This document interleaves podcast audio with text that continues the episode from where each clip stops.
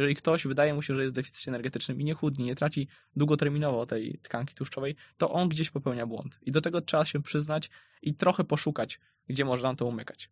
Po jednej części albo po drugiej części są elementy, które nam to utrudniają. Z punktu widzenia genetyki wspomniałem. To nie jest tak, że genetycznie jesteśmy uwarunkowani do otyłości. Są skrajne sytuacje, choroby, na przykład zespół Pradera Williego. Mm -hmm. Są już mhm. takie skrajne sytuacje genetyczne, które naprawdę nam utrudniają realizację założeń, ale to nie podważa praw fizyki, tylko utrudnia w praktyce właśnie realizacje dotyczące spożycia energii lub wydatkowania energii. W swoim tempie. Podcast sieci fitness CityFit. Dzień dobry, dzień dobry. Kłania się nisko Jacek Bilczyński, podcast e, CityFit w swoim tempie. Dzisiaj jest ze mną Radosław Smolik. Cześć Radku. Cześć Jacku. Popularyzator e, wiedzy, twórca projektu Dietetyka oparta na faktach. Autor wielu publikacji, e, publikacji oczywiście opartych na dowodach naukowych z zakresu żywienia, z zakresu dietetyki, z zakresu e, suplementacji. Młody człowiek o ugruntowanej pozycji, niezwykle bogatym warsztacie i bardzo szerokiej wiedzy. No, takiego przedstawienia jeszcze nie dostałem, więc bardzo dziękuję i Miło mi. E, ja bym poprosił jeszcze na sam początek, mm, zanim przejdziemy do tematu głównego, o mały rekwizyt, który, e, który ja tutaj mam. Ja chciałbym zobaczyć Twoją reakcję na ten rekwizyt. O kurczę. Haha. Drodzy Państwo, ja mam ze sobą, e, ktoś, kto nas ogląda, to widzi, ktoś, kto nas słucha, to mówię, e, skuteczne odchudzanie. Książkę, którą uwaga.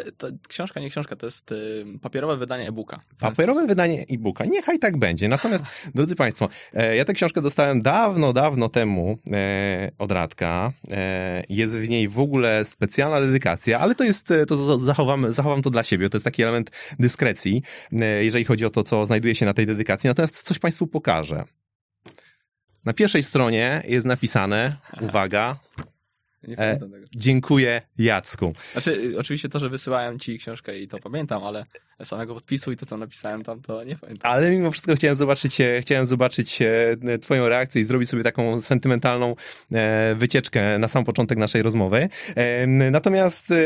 Wiesz, czego to wynika, nie? Tak jakby same moje początki, na samym swoim początku swojej, swojej ścieżki związanej z dietetyką, to sporo cię śledziłem, wtedy cię też w mediach znacznie więcej było, ale no sporo wyciągnąłem od ciebie, od ciebie, więc też w ramach I to jest właśnie na tej karteczce, to jest tutaj tak. ten osobisty przekaz, ale, ale to, Czyli to się nie zmieniło. Te adoracje możemy już teraz e, odsunąć na bok.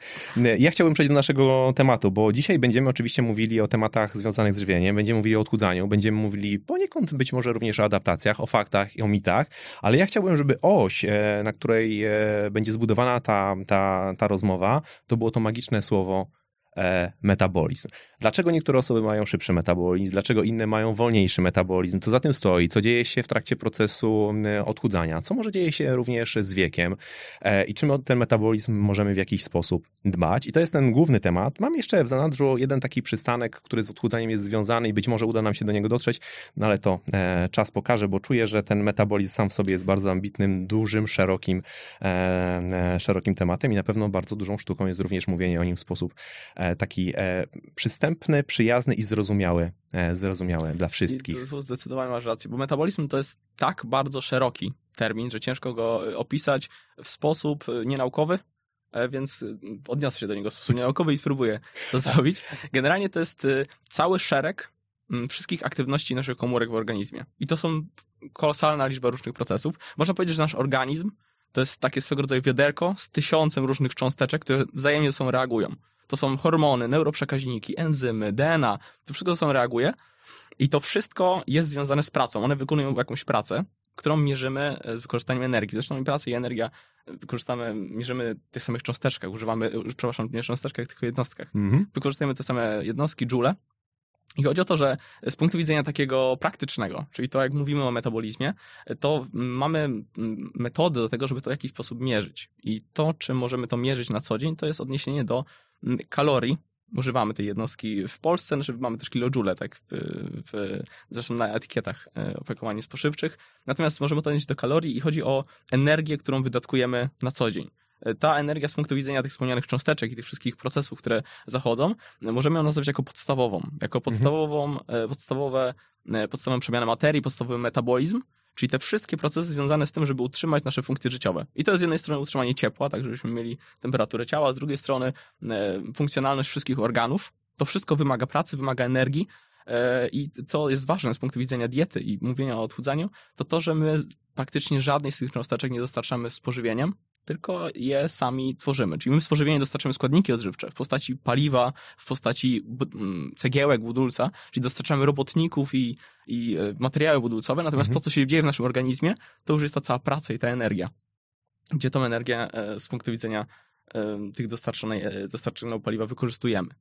I to jest podstawowy metabolizm. Mamy też oczywiście, jesteśmy stworzeni do tego, że nie wyłącznie egzystujemy, czyli nie żyjemy tylko, żeby żyć, ale robimy rozmaite czynności. Tu głównie chodzi o ruch. E, Nie mam na myśli aktywność fizyczną jako taką zaplanowaną z punktu widzenia treningów, ale każdy ruch, który podejmujemy w ciągu dnia. To, że tutaj siedzimy, jakiekolwiek ruchy wykonujemy, czy ktoś pracuje fizycznie, czy ktoś pracuje nawet przed komputerem, używając myszki, e, podążając wzrokiem za ekranem, tak? To też jest swego rodzaju ruch, który wymaga energii. I tutaj Mhm. mamy całkowitą przemianę materii, całkowity metabolizm. Więc z tego punktu widzenia e, warto odnieść to do tego, że tempo metabolizmu jako tako możemy mierzyć z punktu widzenia wydatków energetycznych i wydatku kalorycznego. wydatku kalorycznego. I tak naprawdę właściwie e, już podjąłeś ten temat e, właściwie sam i, i, i- odpowiedziałeś na część pytań, które gdzieś do ciebie miałem. Ale chciałbym teraz, e, bo do tych składowych tego, tego naszego tempa Mhm. przemiany materii, tego naszego metabolizmu, czyli tego, o czym będziemy sobie dzisiaj mówili, jeszcze na pewno wrócimy i porozmawiamy sobie o nich znacznie szerzej, bo one też dosyć dużo tłumaczą, ale chciałbym jeszcze, żebyś tak na potrzeby naszej rozmowy powiedział, co będziemy rozumieli zatem przez szybki metabolizm i co będziemy rozumieli przez wolny metabolizm, bo to jest coś, co w e, takich mainstreamowych mediach dosyć często się pojawia.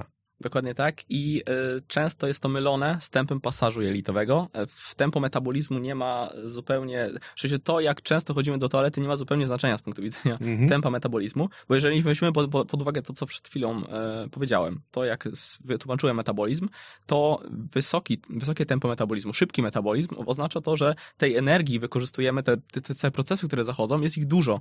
Tym samym spalamy dużo energii, spalamy w cudzysłowie. E, Więc z tego punktu widzenia, jeżeli ktoś ma szybki metabolizm, to znaczy, że dużo energii w ciągu dnia zużywa.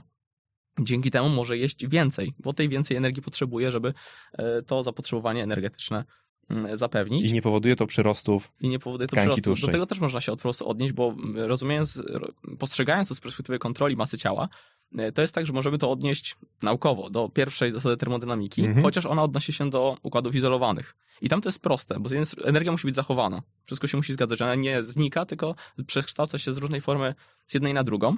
E, To jest układ izolowany, my mamy układ otwarty, wszystkie żywe istoty. Mhm. Czyli z jednej strony wymieniamy materię, jak i energię z otoczeniem, więc jest to znacznie bardziej skomplikowane.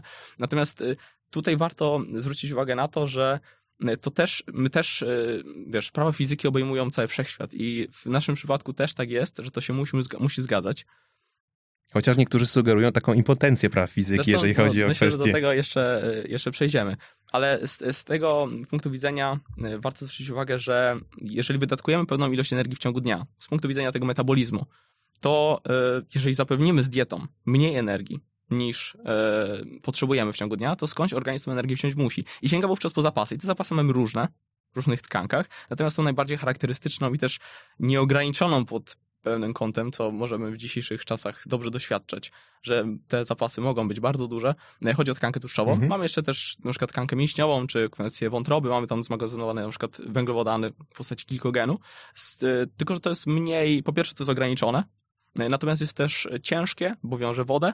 Y, Można porównać to do tak, taki glikogen mięśniowy czy wątrobowy, czyli jak magazynujemy węglowodany, można odnieść trochę do takiej ym, puszki z zupą, że tam Mhm. jednak jest ta energia, natomiast na przykład iść z- w góry z tym jest cięższe niż jakbyśmy e, brali pod uwagę chociażby kwestie dotyczące e, tłuszczu. Tam po prostu mamy mniej wody, mamy to zbite i te zapasy są znacznie większe. I w sytuacji, gdy brakuje nam energii, którą wydatkujemy na co dzień, to organizm sięga po zapasy, zmagazynowane innymi pod postacią tkanki tłuszczowej. I tak się odbywa długotrwały proces odchudzania. Dostarczając mniej energii, różnymi sposobami, e, wydatkują więcej energii, bierzemy tą energię z naszych zapasów. I z drugą stronę działa to oczywiście analogicznie, czyli jeżeli dostarczamy zbyt dużo energii w ciągu dnia, no to organizm się jej nie Mhm. pozbywa najczęściej, chociaż może e, pewnymi reakcjami adaptacyjnymi, do czego może jeszcze przejdziemy dzisiaj, e, to jednak może ją kumulować na później. Dzięki temu zyskujemy tkankę tłuszczową. Jasne. Czyli reasumując bardzo prostym językiem, jeżeli będziemy mówili w tej rozmowie szybki metabolizm, to będziemy mieli na myśli bardzo często to, że można dużo więcej zjeść, albo że można dużo zjeść i, i nie będzie się to negatywnie odbijało na naszej masie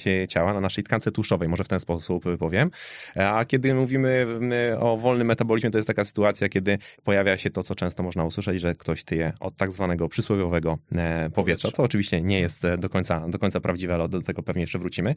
Natomiast e, wspomniałeś tutaj o pasażu jelitowym, więc jakby też to tak troszeczkę reasumując, spożywanie żywności, która jest daleka od świeżej, nie jest metodą na przyspieszenie metabolizmu. Zdecydowanie. Chociaż z punktu widzenia przyswajalności, to też właśnie to jest kwestia, o której wspomniałem, że z punktu widzenia pierwszej zasady termodynamiki, tej naukowej, mamy układ izolowany. Nasz jest znacznie bardziej złożony i właśnie przez tą złożoność tak dużo jest niedomówień i problemów mhm. z interpretacją tego i sugestiami, że jednak to jest nieprawda, że ktoś tyje od właśnie powietrza. Z tego punktu widzenia, że chociażby przyswajalność tych kalorii, mamy pewne uśrednione wartości energii w pożywieniu. Mamy białka, tłuszcze, węglowodany, to o czym cały czas się mówi, mamy energetyczność tego pożywienia, natomiast jeszcze po tej stronie, gdy, wiesz, nasz układ pokarmowy jest trochę tak jak taki pączek, nie, z dziurką w środku, że tak naprawdę to pożywienie przez nas przechodzi, natomiast może na wyściółce jelita się wchłaniać i ta kwestia wchłanialności to jest ważna, e, bo między tym e, są, na przykład są problemy z wchłanialnością, tak? Przy różnych jednostkach chorobowych mogą być zaburzenia wchłaniania. Z drugiej strony e, sama masa kołowa u nas też się może różnić w kontekście tego, ile energii wydalamy. Finalnie mm. ile wchłoniemy, ile wydalamy. No więc to jest ten element potencjalnie wpływający na ten bilans energetyczny od strony wchłanialności, a tych elementów wpływających na bilans energetyczny jest znacznie więcej. No dobrze, no to w takim razie trochę porozmieniajmy się na drobne i, e, i zanurkujmy głębiej w ten metabolizm. Myślę, że już też co nieco tutaj o tym e, powiedziałeś, ale myślę, że takie rozdzielenie sobie i, i zwrócenie uwagi, jakie są składowe te, tego metabolizmu, tej tempa przemiany materii, co się na to faktycznie składa, to będzie całkiem dobry punkt wyjścia do tego, tego, żeby sobie trochę porozmawiać o tych różnicach osobniczych, wskazać, gdzie one ewentualnie mogą występować. Być może również o adaptacjach, które gdzieś tutaj też e, między słowami e, trochę wybrzmiały e, i być może nawet o tym, co dzieje się w procesie chociażby, chociażby starzenia. Także składowe tempa przemiany materii. Prosimy. Dobrze. To w takim razie o pierwszej wspomniałem o podstawowej przemianie materii i to jest kwestia dotycząca właśnie naszych funkcji życiowych. Czyli gdybyśmy nic nie robili, egzystowali, to zwyczajnie e, pewną ilość energii potrzebujemy na funkcjonowanie wszystkich narządów, na utrzymanie temperatury ciała e, i to jest pewna ilość energii, określana podstawową przemianą materii. Mamy często wzory na to, jak wpisujemy w mhm. internet tam ile potrzebujemy kalorii, to często wyskakują wzory na właśnie podstawową przemianę materii.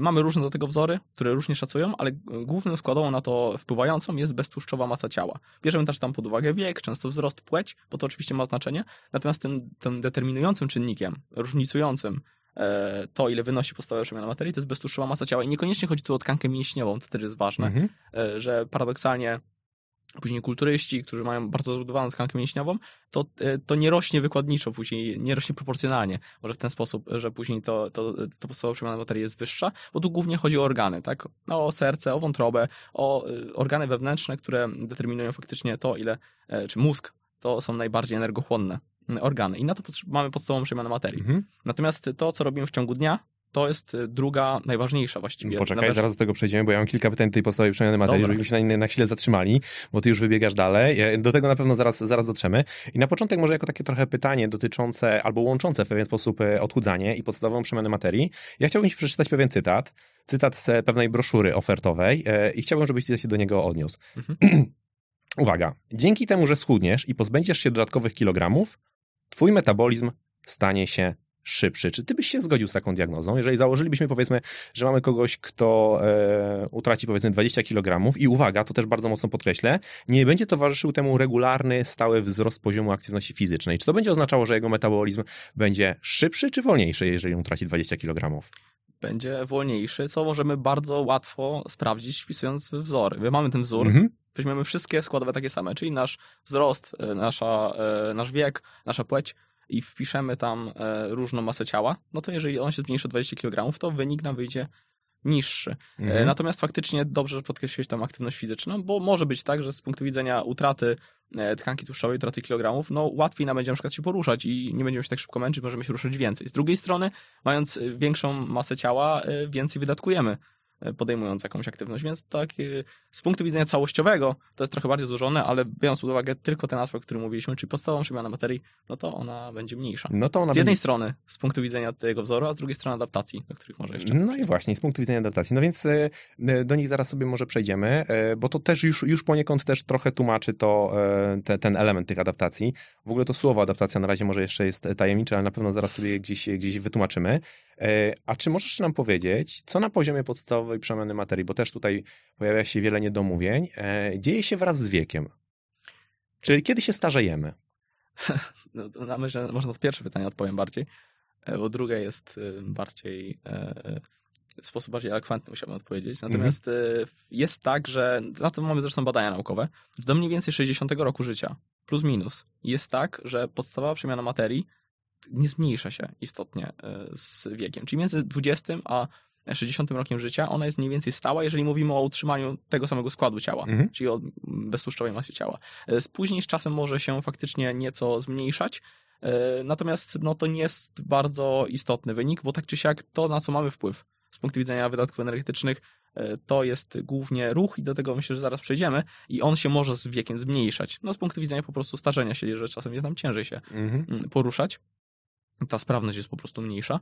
E, Natomiast z punktu widzenia podstawowej przemiany materii, ona się z wiekiem za bardzo nie zmienia. Ona bardzo szybko rośnie w przeliczeniu na przykład na kilogram masy ciała na początku naszego życia. Wtedy u niemowląt i małych dzieci e, ta w przeliczeniu na kilogram masy ciała, ta podstawowa przemiana materii na początku jest bardzo duża, ona się później z czasem zmniejsza w przeliczeniu na kilogram masy ciała. Mhm. Mm, Natomiast u osób dorosłych faktycznie od, y, doros, od 18, 20 do 60 ona jest mniej więcej stała. Mniej więcej stała. No ale też jeszcze może podkreślmy, bo ktoś, kto nas słucha, to mógł się też trochę zagubić, że my cały czas mówimy nie o całym metabolizmie, tylko o tym, o tym fundamencie, czyli podstawowej e, przemianie materii. I też jest taki trochę wydźwięk, e, ale czy on jest do końca pełen, to, to zaraz, e, zaraz się o tym przekonamy, e, że tej podstawowej przemiany materii my specjalnie nie możemy e, zmieniać w takim krótkim wymiarze czasowym, czyli nie możemy wprowadzić jakichś oddziaływań, które sprawią, że na przykład z dnia na dzień na, tej, na poziomie tej podstawowej przemiany materii zyskamy, nie wiem, 200, 300, 400 kilokalorii. Tak i paradoksalnie bardzo często jakieś różne mm, techniki na odchudzanie, techniki na przyspieszenie metabolizmu, to właśnie ob- obejmują próbę zwiększenia tej podstawowej przemiany materii. A paradoksalnie y, różnego rodzaju techniki mają jakieś tam papryczki, jakieś tam próba podniesienia termogenezy e, z punktu widzenia legalności legalnych substancji. Jest jednak tak, że no, nieznacząco wpływamy na ten nasz wydatek energetyczny.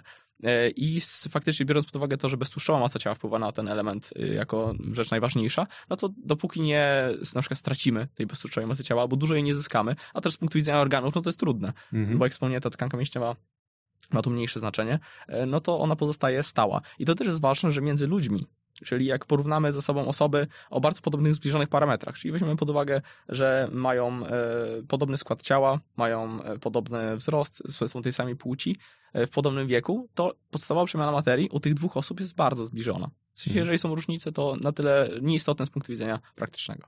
Czyli ten taki, e, padł nam trochę mit takiego genetycznego, bardzo szybkiego metabolizmu albo bardzo wolnego metabolizmu na, na poziomie tej, tej e, podstawowej przemiany materii. Tak, do genetyki myślę, że jeszcze przejdziemy właśnie. Chodzi o to, to też jak zacząłem, że często z punktu widzenia mówienia o bilansie energetycznym, odchudzaniu, często zwraca się uwagę na te rzeczy mało istotne, albo na które nie mamy dużego wpływu. Mhm. A te rzeczy kluczowe, z punktu widzenia na, na co właśnie genetyka nawet wpływa, bo genetyka może nam utrudniać odchudzanie zdecydowanie, Naturalnie. natomiast no nie na poziomie tej podstawowej Nie na, przemiany na poziomie podstawowej przemiany materii. Dobrze, wspomniałeś o praktykach, to ja tylko dwie praktyki, zanim przejdziemy sobie dalej, o które chciałbym cię zapytać, bo one są dosyć powszechnie stosowane i przypisuje się im bardzo często jakieś takie e, wyjątkowe właściwości e, i wyjątkowy potencjał. E, oddziaływanie ciepła i zimna, na przykład, nie wiem, morsowanie, albo jakieś zimne prysznice, albo w drugą stronę, na przykład sauna. Czy to ma istotny wpływ na mm, zwiększenie wydatku energetycznego na poziomie podstawowej przemiany materii? No, krótko odpowiem, z punktu widzenia istotności nie. Natomiast no, mo- może wpłynie na nasze samopoczucie chociażby, tak? Że ktoś może się czuć bardziej pobudzony po takim, e, po takiej na przykład zimnej wodzie. No to zdecydowanie wpływa na inne układy w naszym organizmie, na nasze samopoczucie. Potencjalnie może wpływać, wiesz, biorąc pod uwagę wpływ na samopoczucie, na wydatki energetyczne na poziomie ruchu, e, o czym zaraz. Natomiast e, to, że ktoś stosuje jakieś właśnie tajne techniki na to, żeby Mhm. przyspieszyć tam podstawową przemianę materii, żeby zmienić proporcje tkanki tłuszczowej, czasami o tym się mówi, białej do brunatnej, bo ta brunatna faktycznie, e, już nie wchodząc w szczegóły, myślę, że tego tematu, e, może wiąże się z trochę większym wydatkiem energetycznym, bo e, po prostu jest kwestia przystosowania do e, zimna, to, to wciąż w ogóle jest kontrowersyjne z punktu widzenia naukowego. Czy to rzeczywiście do tego dochodzi, a jeżeli nawet dochodzi, to czy jest to istotne w praktyce? Mhm. Nawet przy regularnym takim e, podejściu, no ma mm, mały wydźwięk praktyczny z tego punktu widzenia. Jasne, no dobrze. No to zostawmy sobie tę podstawową przemianę materii. Wiemy i wydźwięk powinien być taki, że tutaj ten nasz potencjał oddziaływania nie jest szczególnie duży, przynajmniej w takim krótkim wymiarze czasowym. Specjalnie tego metabolizmu przyspieszyć nie możemy. E, jeszcze zaraz, zaraz pewnie do niej wrócimy w kontekście adaptacji, bo myślę, że to też może być e, dosyć istotne, ale omówmy sobie kolejne składowe.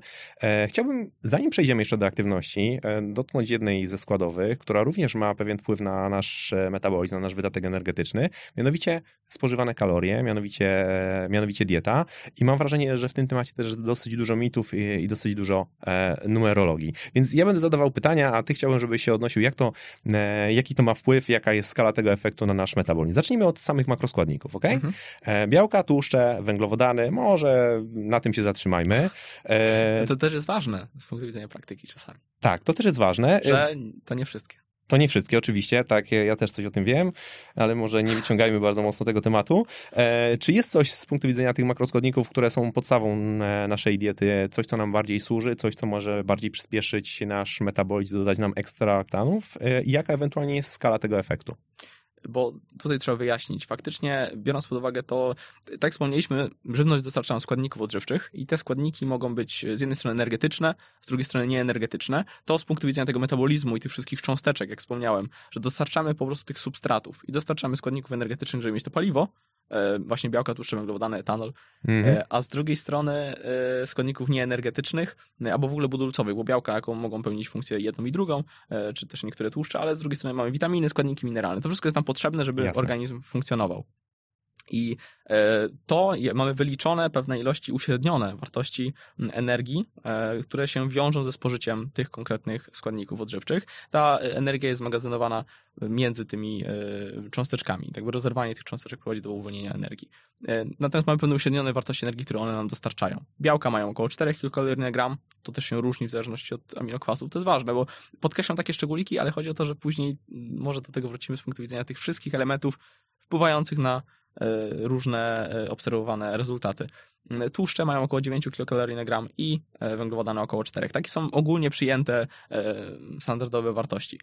E, I biorąc pod uwagę ich spożycie, to, to mamy tą uśrednioną wartość, którą dostarczamy, natomiast jeszcze mamy później kwestię wchłanialności, trawienia, przyswajania tych składników odżywczych. I to się różni e, pomiędzy konkretnymi makroskładnikami i obecnie przyjmuje się, że białka i e, alkohol, etanol mają wysoką, e, tak, tak zwany termiczny efekt pożywienia, takim określeniem em, możemy to nazwać. I to jest faktycznie tam mniej więcej 15-20% czasem nawet, jaki to jest taki tak zwany podatek tadeuszowski, tak ktoś Mhm. e, powiedział, podatek od e, żywności. Z drugiej strony mamy tłuszcze, które mają bardzo niski ten termiczny efekt pożywienia i węglowodany taki pośredni. Sumarycznie w ciągu dnia, jednak praktycznie u wszystkich, jeżeli taką mamy standardową dietę, to jest mniej więcej 10% Mhm. energii, którą spożywamy. Czyli jeżeli spożywamy około 2000 kilokalorii w ciągu dnia, no to 200 plus minus to jest ten termiczny efekt pożywienia, I- ten podatek. Jasne. No i właśnie jakby trochę do tego zmierzam, że są pewne różnice, jeżeli chodzi o ten efekt termiczny pożywienia. Czy e, my możemy realnie mm, e, uzyskać e, korzyść, na przykład przez, wprowadzając, przez wprowadzenie ekstra ilości protein do naszej diety? No bo to jakby trochę z tego wynika i często też można usłyszeć, że dieta wysokobiałkowa, wysokoproteinowa to jest dieta, która najbardziej przyspiesza nasz metabolizm. Czy ten efekt realny, Mhm. czyli to, co ma przełożenie na, na, na, ten, na ten e, nasz metabolizm jest duży, mały, czy możemy go jakoś tak zobrazować naszym, naszym słuchaczom? No dokładnie, to jest taka sama sytuacja, jak wspomniałem wcześniej, że to jest element, który w praktyce będzie miał małe znaczenie. On faktycznie wpłynie na zwiększenie tego termicznego efektu pożywienia e, i zaoszczędzimy na tym nie wiem, 40-60 kilokalorii, ale chodzi o to, że w praktyce później są elementy, które mają znacznie większą Mhm. skalę. I to nie o tym, e, nie na tym powinniśmy się skupiać, Jasne. mówimy o tym, że Ale chcemy ludzi- przyspieszyć nasz metabolizm. Ale ludzie bardzo często na tym lubią się skupiać, dlatego my staramy się te mity trochę odczarować. Właściwie ty starasz się te mity trochę odczarować, bo ja to jestem tylko tutaj takim turystą, gościem, a ty jesteś przewodnikiem, który po tym e, temacie nas e, oprowadza. Ja staram się zadawać jedynie e, odpowiednie pytania. Ale jeszcze e, do tego tematu żywienia mam kilka pytań, bo mam takie poczucie, że jest tutaj jeszcze e, wiele niedomówień i wiele takich właśnie e, informacji nie do końca prawdziwych e, w mediach, w internecie krąży. E, Więc skupmy się na chwilę, poświęćmy chwilę uwagi częstotliwości spożywania pokarmów. Mam wrażenie, że dla wielu osób to jest taki trochę święty graal na liście tych praktyk, które mają pomóc w przyspieszeniu metabolizmu. Czy zatem spożywanie na przykład sześciu posiłków w ciągu dnia daje nam lepsze rezultaty, jeżeli chodzi oczywiście, podkreślam to, o tak zwane przyspieszenie metabolizmu niż na przykład spożycie trzech posiłków w ciągu dnia? No jeżeli weźmiemy pod uwagę to, co wspomniałem przed chwilą, że ten podatek od żywności liczymy w kilokaloriach, w zależności od tego, co spożyjemy, więc jeżeli spożyjemy to samo w rozłożeniu na 6 posiłków, a to samo w rozłożeniu na 3 posiłki, to finalnie tak czy siak uzyskamy ten sam wynik, więc z tej perspektywy to ma małe znaczenie. Małe znaczenie. No, czyli kolejny mit gdzieś został e, obalony. To może jeszcze ja spróbuję inaczej. E, jak nie zjesz śniadania tuż po przebudzeniu, to odbije się to na szybkości twojego meta metabolizmu. Z takimi twierdzeniami też można się e, spotkać. Jak ty się na to zapatrujesz? Proszę o twoją diagnozę. Samo jedzenie śniadań to też jest temat e, i z jednej strony kontrowersyjny i obszerny, ale z punktu widzenia stricte e, wydatków energetycznych e, i podstawowej przemiany materii, czy też termicznego faktu pożywienia, to nie ma dużego znaczenia, chociaż zwraca się trochę uwagę Mhm. na to, że pewne niewielkie różnice występują i e, takim ogólnym mm, założeniem jest to, że jednak trochę więcej energii powinniśmy spożywać w godzinach e, dopołudniowych niż popołudniowych, wieczornych. To też jest zgodne trochę z takim cyklem okołodobowym. E, I faktycznie może mieć to pewne przełożenie na ten termiczny efekt pożywienia, ale to też nie są ogromne Nie są to spektakularne wartości. Dokładnie. Dobrze, ale to też zapytam, to jest bardziej tekst poboczny zupełnie. Chciałbym poznać twoje stanowisko. Czy jesteś za tym, żeby te śniadania jednak pojawiały się w stosunkowo takim niedużym przedziale czasowym od e, przebudzenia, czy raczej, raczej nie? Moim zdaniem tak. Całościowo, patrzymy nie tylko na Tak, metabolizm. Moim zdaniem tak, natomiast no, to nie jest taki najważniejszy element y, związany z żywieniem. Tak, są znacznie ważniejsze Mhm. elementy. E, No i też pracując z osobami, zwracając uwagę na to, co trzeba poprawić w ich diecie na przykład, no to są rzeczy bardziej znaczące. Mhm. Ale to jest jeden z tych takich generalnie pozytywnych nawyków. Raczej jedzenie tych śniadań, no chyba, że ktoś naprawdę mm, z rana totalnie nic nie przełknie. Zdarzają się takie osoby i te, też nie ma co na siłę e, te śniadania Mhm. włączać. Ale to jest dobry nawyk, żeby jednak właśnie tą, e, tej więcej energii w ciągu dnia przyjmować w pierwszej części dnia niż w drugiej. I te, te śniadania, żeby się pojawiały. Super, bardzo się, e, bardzo się cieszę, że to mówisz, bo ja też się z tym e, mocno, mocno zgadzam, że kiedy patrzymy tak trochę populacyjnie przekrojowo i chcemy dać ogólne wskazówki, to jednak jestem za tym, żeby te śniadania się pojawiały i to nie tylko... Takie też są, tak, badania Mhm. obserwacyjne. Zresztą, Mhm. gdybyśmy nie, nie skupiamy się na konkretnej interwencji, tylko na Mhm. przekrój populacji, to jednak ta część populacji, która spożywa regularnie te śniadania, to finalnie, gdy na nich spojrzymy, to wypadają na, są osobami trochę zdrowszymi niż e, Mhm. osoby, które ich nie jedzą. To oczywiście są wyjątki, żeby nie było, ale generalnie Tak. No dobra, no to w, w temacie śniadań, w temacie liczby posiłków, w temacie makroskładników, co nieco nam się to usystematyzowało. Widzę jeszcze takie przynajmniej dwa elementy, o które myślę, że warto byłoby zapytać, bo myślę, że zwolenników tutaj nie brakuje. Pierwszy skład, pierwszy element to jest, e, to są dodatki e, do diety. Też już dwa słowa wcześniej w tej rozmowie padły. Mam na myśli oczywiście dodatki, które możemy sobie umieścić w naszej diecie w sposób zupełnie legalny, czy to w postaci przypraw na przykład takich jak ostre, ostra papryka chociażby, czy w postaci nawet e, suplementów takich jak jakieś tam metyloksantyny, jakaś kofeina, czy, czy inne stymulanty. Czy to ma jakiś istotny wpływ z punktu widzenia mm, mm, przyspieszenia naszego metabolizmu? Czy to daje nam korzyści? Czy warto sobie tę głowę zawracać? No bo to są, to są dwa różne pytania, tak? Czy daje nam jakieś korzyści, ale czy warto sobie tym głowę zawracać? To są dwie różne... No to prosi, poprosimy jedno i drugie. Tak, no z jednej strony faktycznie może dojść do e, zwiększenia wydatków energetycznych, e, właśnie związanych głównie z tą termogenezą, czy związane, jeżeli chodzi o tą kofeinę, na przykład jak wspomniałeś, to ona może wpłynąć na ten drugi aspekt tego ruchu. E, Faktycznie on Trochę nas się- pobudza. trochę możemy, możemy się więcej ruszać, więc tym samym wydatkować trochę więcej energii. Natomiast ten finalny efekt związany na przykład z samymi przyprawami, mm, on jest dosyć niski. To jest rzędu, załóżmy, około 10 kilokalorii w ciągu dnia. No więc tą skalę, biorąc pod uwagę, ile spożywamy w ciągu dnia, warto sobie mm, porównać. Z drugiej strony y, przyjmowanie suplementów diety, na przykład już właśnie stricte z kapsaicyną, już przy większych ilościach, mm, czy właśnie z kofeiną i tak dalej, to finalnie daje efekt na poziomie plus minus 100 kilokalorii, tak? Czyli mniej więcej jeden banan, tak? Mhm. Czy to jest warte, żebyśmy wydawali dużo pieniędzy na suplementy diety, takie spalacze tłuszczu? No sami czasem sobie musimy odpowiedzieć. Też y, potencjalnie to może wpływać na inny aspekt związany z kontrolą apetytu. To jest trochę inne zagadnienie, ale jeżeli chodzi o sam, e, sam bilans energetyczny, to nie jest to mm, bardzo duże, e, nie jest to bardzo duży efekt, a wydaje mi się, cały czas, cały czas mówimy, że to jest tak mało znaczące, więc e, myślę, że finalnie dojdziemy do tego, co jest najbardziej istotne. Jak najbardziej. Dla, dlatego, dlatego też to podkreślam. Jak najbardziej, zaraz do tego dojdziemy, ale jeszcze mam właściwie jedno pytanie, które z, tą, z tym żywieniem jest w jakiś sposób związane i które też e, z którym ja się też e, wielokrotnie spotykałem i chciałbym, żebyś ty się na ten temat wypowiedział. Mianowicie chodzi mi o e, temperaturę pokarmów. Czy to jest tak, że gorąca zupa dodaje nam ekstra oktanów i, i sprawia, że, że, że ten metabolizm się trochę bardziej nakręca? A może w drugą stronę, może na przykład zimna woda z lodówki, którą organizm musi ogrzać i to, to jest metoda na przyspieszenie metabolizmu, a może zupełnie, zupełnie nie tędy droga.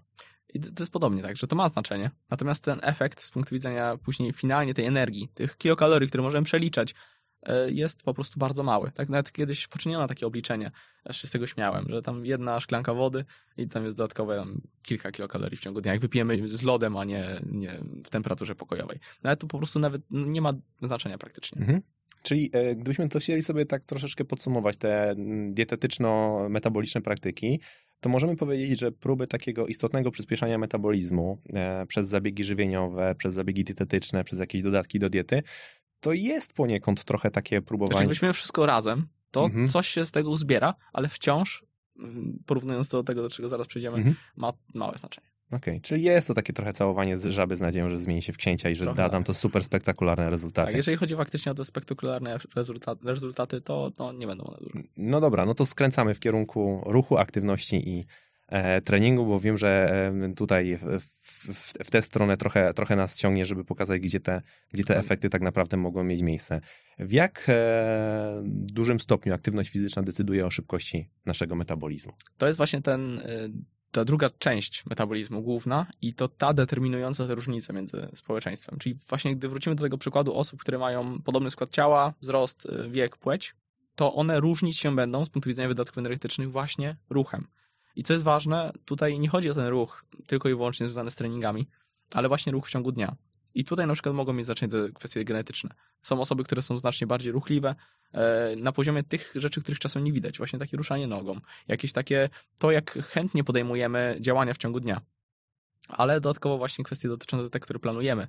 Czyli związane z pracą na przykład fizyczną lub pracą biurową, kwestią jak spędzamy czas wolny, tak, czy e, mm, na przykład dużo spacerujemy, robimy dużo kroków, na które w pewnych czasach była moda, czy dalej jest, to może być przydatne z punktu widzenia oceniania aktywności fizycznej. No bo jest to pewien konkretny miernik, może tak. nie idealny, ale coś nam pokazuje, prawda? Tak, ale chodzi o podkreślenie, że właśnie ten ruch to jest e, taka dźwignia, e, może też nie nieograniczona, ale jednak pokazująca ogromne różnice populacyjnie między tym, ile kalorii finalnie wydatkujemy w ciągu dnia. Mhm. No, czyli jakby ruch, e, jakbyśmy to na razie w tym momencie zebrali do kupy, to mamy podstawową przemianę materii, potencjał oddziaływania trochę średni. Później mamy te elementy, które są związane z żywieniem. My sobie tak w trochę kolokwialny sposób na, nazywamy, ale one też mają pewien wpływ na, na nasz metabolizm. I tutaj też ten potencjał nie jest e, szalenie, szalenie duży. No i mamy te, ten trzeci element, ten trzeci klocek, czyli aktywność fizyczna, która daje nam potencjalnie najwięcej i też najwięcej możliwości e, takiego dosyć szybkiego oddziaływania i szybkiego przyspieszania metabolizmu.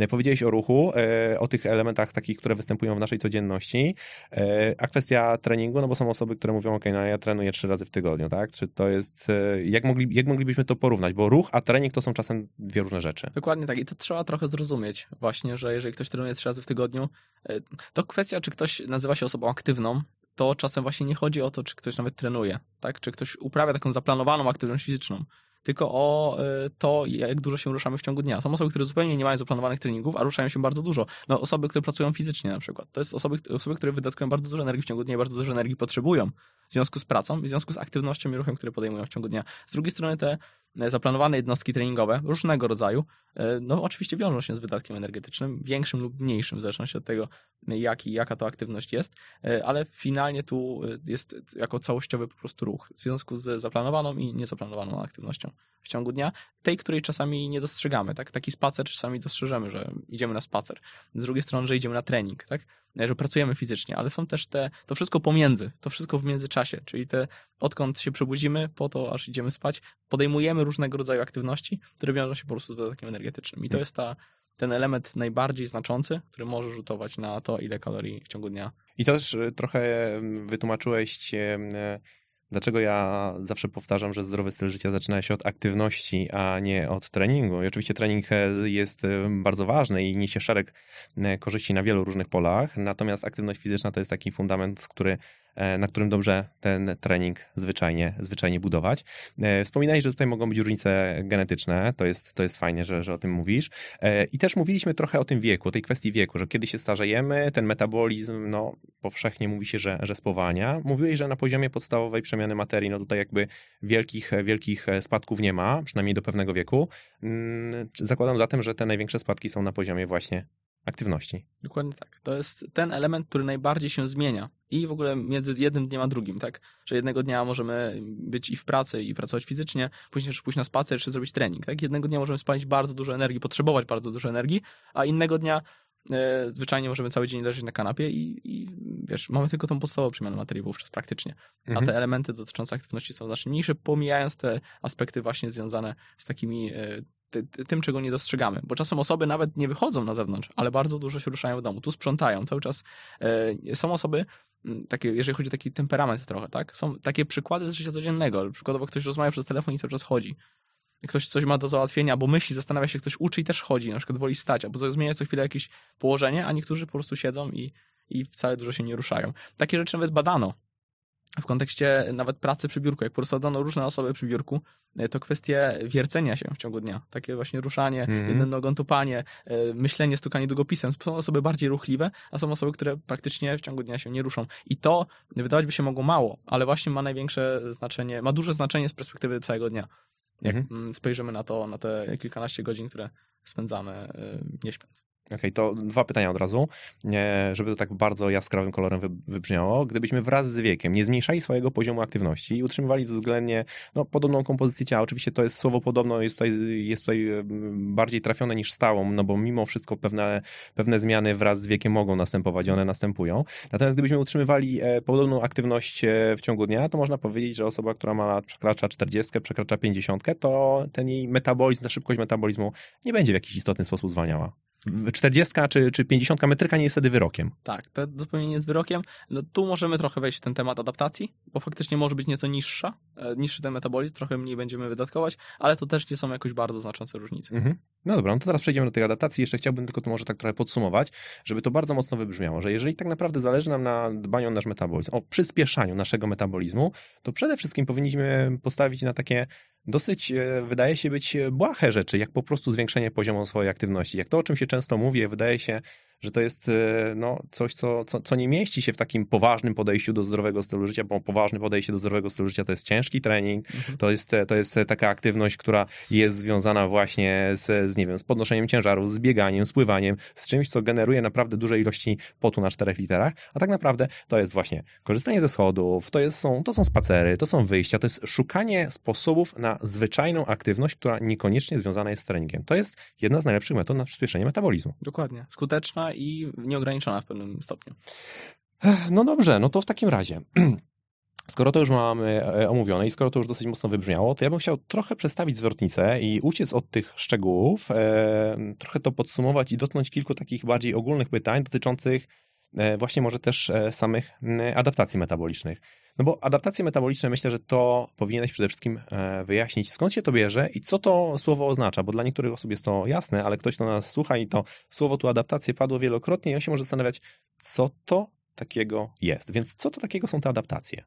Tutaj warto odwołać się trochę do ewolucji, do naszej historii jako człowieka. Generalnie było tak, że przez zdecydowaną, mm, zdecydowaną większość czasu, jaką jesteśmy na tej planecie, zmagaliśmy się z niedoborem jedzenia. Zawsze tego jedzenia brakowało od bardzo niedługiego czasu mamy sytuację, kiedy faktycznie tego jedzenia jest zbyt dużo.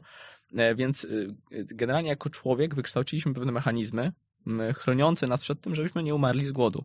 Tak? E, I y, obejmują one zarówno wszystkie te składowe praktycznie, które wymieniliśmy, że chodzi o to, że w sytuacji, kiedy zaczyna brakować energii w ciągu dnia, czyli zaczyna, wprowadzamy ten deficyt energetyczny, skądś organizm musi popierać energię, sięga po zapasy, no to jest taki, taka lampka dla naszego organizmu. E, I wówczas zaczyna wprowadzać pewne elementy mające na celu oszczędzenie tej energii. Można to porównać trochę do takiego trybu oszczędzania energii w telefonie. Tak? One, telefon wydatkuje też energię na różne procesy, na wiesz, wyświetlanie ekranu, na procesy działające w tle, e, a z drugiej strony my też właśnie mamy chociażby te podświadome ruchy e, związane, o, o których wspomniałem, wiercenie się chociażby. -hmm. I w sytuacji niedoboru energii, w sytuacji, gdy kiedyś to był niedobór energii wynikający z tego, że po prostu brakowało jedzenia. Obecnie wynika z tego, że się odchudzamy i Tak, wprowadzamy sami sobie to fundujemy. sami sobie fundujemy, że chcemy stracić tą masę ciała, to no, organizm tego tak nie interpretuje. Tak? On postrzega to taką sytuację, że brakuje tego jedzenia. I podejmuje wówczas różnego rodzaju interwencje, właśnie mające na celu oszczędzenie tej energii. E, tak jak były procesy działające w tle w telefonie, tak? W przypadku włączenia trybu oszczędzania baterii, no to tu też na przykład właśnie e, czujemy się bardziej zmęczeni, bardziej spali, bardziej nam się nie chce e, i e, tym samym mniej się ruszamy z punktu widzenia takich podświadomych ruchów. Mhm. E, ale to też rzutuje właśnie przez to zmęczenie. Bardzo często są osoby, które właśnie próbują się odchudzać od dłuższego czasu i czują to zmęczenie. Czują się zmęczone, nie mają e, ochoty do podejmowania jakichkolwiek aktywności, nie chce im się czasem ruszyć mm, mocniej, żeby gdzieś podbiec, gdzieś pójść, wolą wykorzystać samochód czy, czy środki komunikacji miejskiej i to też wpływa po prostu na ograniczenie wydatków energetycznych. My tego nie zobaczymy z dnia na dzień, tak, że nagle czujemy się gorzej, ale perspektywa mm, tak długofalowa wpływa na to, że mm, po prostu czujemy się zmęczeni.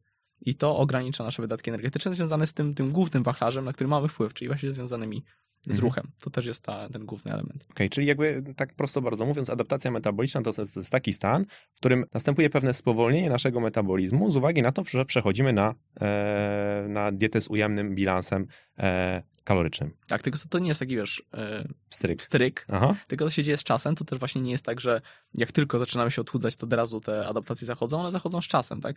Jeżeli straciliśmy już wiele kilogramów, no to organizm w pewnym czasie faktycznie mówi, że hola, hola, no ja mam coraz mniej tych zapasów, tak? Mhm. Że coraz mniej nam zostało na te gorsze czasy, no i zaczyna ten, e, wprowadzać różnego rodzaju te interwencje, o których wspomniałem. I to też nie jest efekt nie wiadomo jak duży, że to też nie jest związane z uszkodzeniem metabolizmu, że Mhm. teraz jest niemożliwe odchudzanie. Nigdy nie będzie takiego momentu, Mhm. że jest niemożliwe odchudzanie. No dobrze, no to o, o ile zmniejsza się taki wydatek energetyczny e, i w jakim tempie te e, adaptacje się pojawiają? No w ogólnym ujęciu, czy jesteśmy w stanie podać jakieś wartości? jest tak, że są pewne wyliczenia nie? Tak, Mhm. dotyczące wzorów, e, sugerujące, że po utracie około 10% masy ciała te wydatki energetyczne mogą spaść plus minus właśnie też około 10-15% poniżej tego, co przewidujemy. Bo z Mhm. jednej strony to, o czym wspomnieliśmy na początku, jeżeli straciliśmy 10% masy ciała, to nasza podstawowa przemiana materii też będzie mniejsza. To rzutuje też na to, że jeżeli mamy mniejszą masę ciała, to mamy mniej do przeniesienia w ciągu dnia. Czyli nawet jeżeli e, będziemy wykonywać te same aktywności związane chociażby z chodem, tak, z poruszaniem się w ciągu dnia, to mamy do przeniesienia mniej kilogramów, a to się wiąże z mniejszymi wydatkami energetycznymi. E, A to, o czym mówimy z punktu widzenia adaptacji, to jest ten dodatkowy element, który dodatkowo ogranicza nasze wydatki energetyczne. Więc to też nie są. e, Chodzi o to, że adaptacje metaboliczne, żeby to wybrzmiało, nie blokują odchudzania, one je mogą e, utrudniać. No okej, no dobrze, a czy możemy podać, spróbować, jakby kontynuując trochę ten wą- wątek, o tym e, zepsuciu metabolizmu zaraz sobie jeszcze porozmawiamy, ale kontynuując ten wątek, czy możemy podać jakieś takie ramy, jak długi, długo taki efekt może się utrzymywać? On będzie się utrzymywać, dopóki będziemy w stanie deficytu energetycznego, czyli w stanie, gdy cały czas będziemy dostarczać zbyt mało energii do naszego organizmu. E, Natomiast w sytuacji, gdy, bo takie eksperymenty też były poczyniane, różnie wyglądają, natomiast takim najbardziej dosadnym e, i no, z jednej strony przykrym, ale też no, jednak pokazującym, mającym duże znaczenie dla zrozumienia metabolizmu człowieka, był eksperyment prowadzony po II wojnie światowej, kiedy ludzie chcieli dowiedzieć się, jak wówczas pomagać osobom, które były narażone na masowy głód, wówczas pojawiający się podczas wojny. Teraz by ten eksperyment nie przyszedł prawdopodobnie z punktu widzenia etycznego, To ale w to... ogóle to nie ma takiej opcji. E, Ale kontynuuj, kontynuuj. ale wówczas y, też w ogóle to byli ochotnicy, którzy się zgłosili, bo wówczas nie rozumieliśmy metabolizmu w ten sposób, jak go dzisiaj postrzegamy. Dzisiaj wiemy naprawdę dużo o metabolizmie. Nie jeszcze wszystko, zdecydowanie nie wszystko, ale wciąż y, te podstawy przynajmniej dobrze rozumiemy. Kiedyś do tego podchodzono inaczej. Nie, nie do końca było wiadomo na przykład, jak dużo tej energii trzeba dostarczyć, żeby e, uniknąć tego niedożywienia.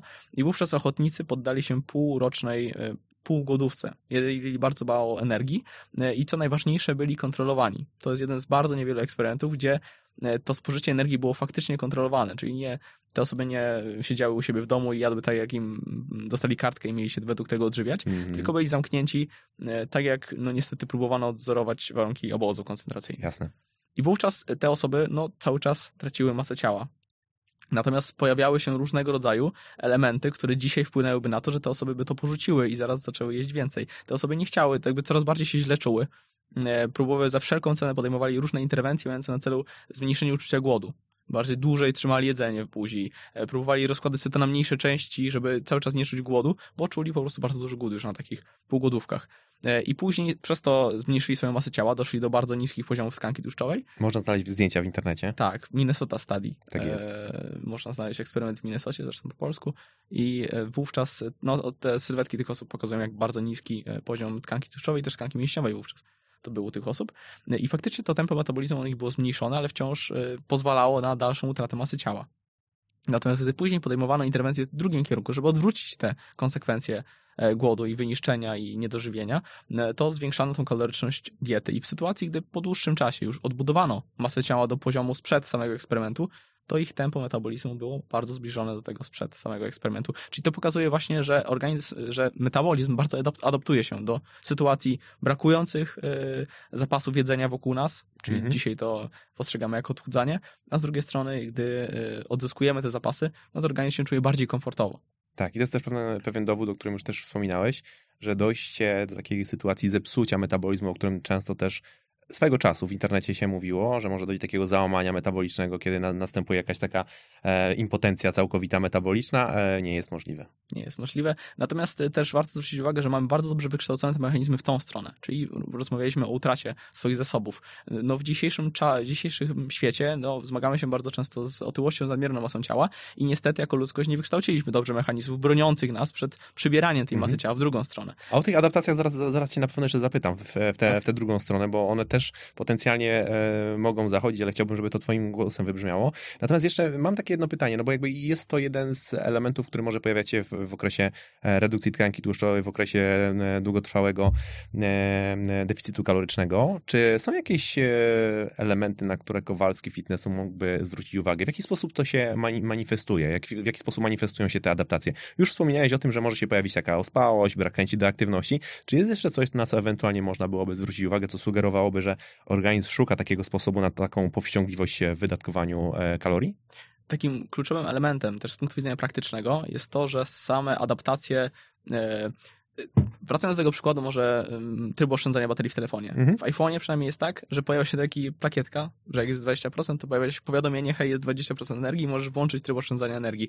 I organizm też tam takie powiadomienia swego rodzaju wysyła, Mhm. bazujące na kontroli apetytu. Czyli nam zaczyna się, jesteśmy coraz bardziej głodni, z jednej strony, że mamy chęć jedzenia, e, że potrzebujemy tej energii, a z drugiej strony jeszcze zachcianki na konkretne produkty.